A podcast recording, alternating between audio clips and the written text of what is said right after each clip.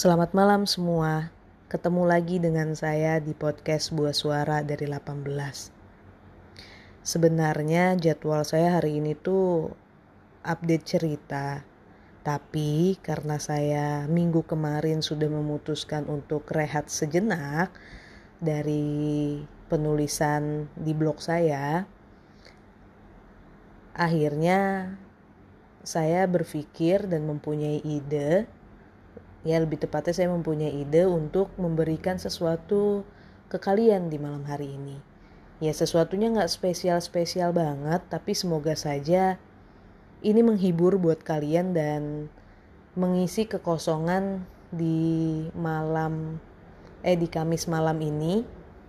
Semoga kalian suka dengan apa yang saya berikan ini dan semoga saja kalian terhibur. Selamat mendengarkan semua.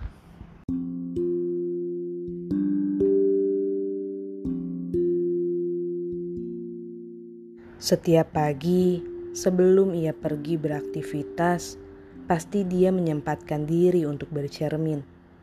Entah untuk memperbaiki gaya rambutnya atau merapikan baju yang ia kenakan. Setelah itu, setelah ia lihat penampilannya sudah baik di cermin itu, dia pasti selalu mengatakan kalimat, "Selamat pagi kamu. Hari ini akan menjadi hari yang baik untukmu. Semangat!" Seperti sebuah mantra, dia selalu mengatakan kalimat itu berulang kali pada setiap pagi. Beda halnya lagi ketika dia pulang setelah melakukan aktivitas yang panjang selama hampir seharian penuh. Sebelum ia bergegas istirahat di malam hari, pasti dia juga menyempatkan diri untuk bercermin.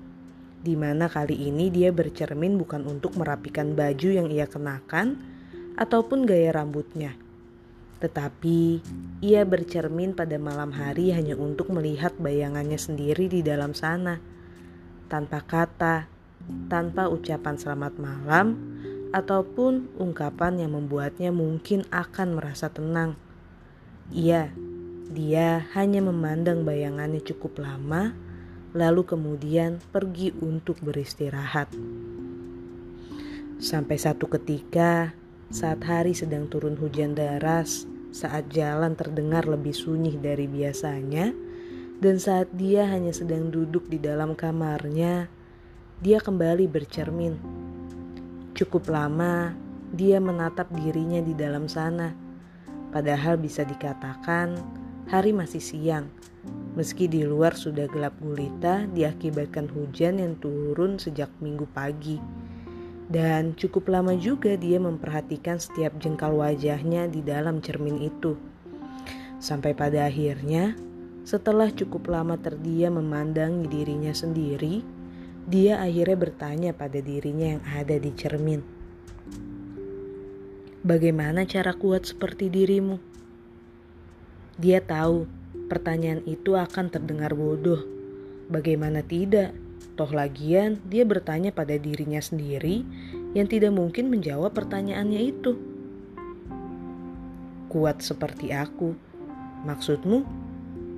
Dia begitu terkejut ketika mendengar bayangan yang ada di dalam cermin menanggapi pertanyaan yang ia berikan itu. Tetapi meski ada rasa kejut di dalam dirinya saat ini, dia justru kembali mengatakan Iya, seperti dirimu. Kenapa kamu menanyakan hal itu? Bukannya seharusnya kamu sudah tahu. Kan aku yang kamu lihat ini adalah dirimu juga. Ya, tapi tetap saja setiap kali aku memandang cermin, setiap kali aku melihat diriku di dalam sana, Aku merasa dirimu yang di sana jauh lebih kuat daripada aku yang ada di sini. Jadi, aku mohon kasih aku satu jawaban yang setidaknya membuatku merasa lebih kuat dan memiliki harapan setelah apa yang sudah aku lalui hingga hari ini. Bayangannya tidak langsung menanggapi perkataannya itu. Cukup lama ia terdiam hanya memandang satu sama lain hingga hening hadir di dalam kamarnya. Bila kamu ingin mendengar jawabku, jawabanku hanya ada satu, kata bayangannya, memecahkan hening yang sempat hadir di dalam kamar itu. Apa? Bagaimana caranya? Caranya hanya kamu harus mengakui apa yang kamu rasakan. Bila kamu sedang tidak baik-baik saja, Jangan terpaksa mengatakan semangat untuk dirimu setiap pagi. Bila kamu ingin beristirahat setelah lelah seharian di luar, jangan sungkan kamu rebahkan badanmu sejenak. Bukan malah memandang wajah lelahmu yang terpantul di sini. Dan dan bila kamu ingin marah, menangis bahkan tertawa sekalipun, lakukanlah karena semua itu berhak kamu rasakan. Tidak usah memikirkan bagaimana dengan mereka atau bagaimana dengan orang-orang terdekatmu. Pikirkan saja dulu tentang dirimu. Itu bukan suatu hal yang egois kok.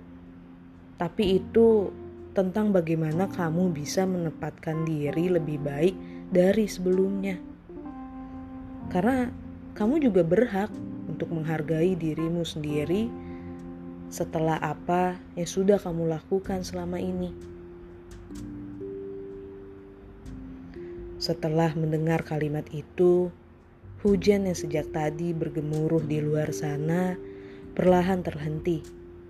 Suaranya tidak lagi seberisik tadi, hanya terdengar rintikan halus yang mengenai atap rumah tetangga.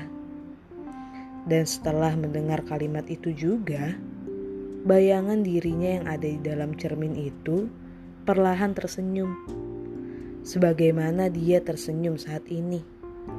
Seolah kalimat tadi berhasil memberikan sebuah harapan dan juga kekuatan untuknya yang selama ini ia cari.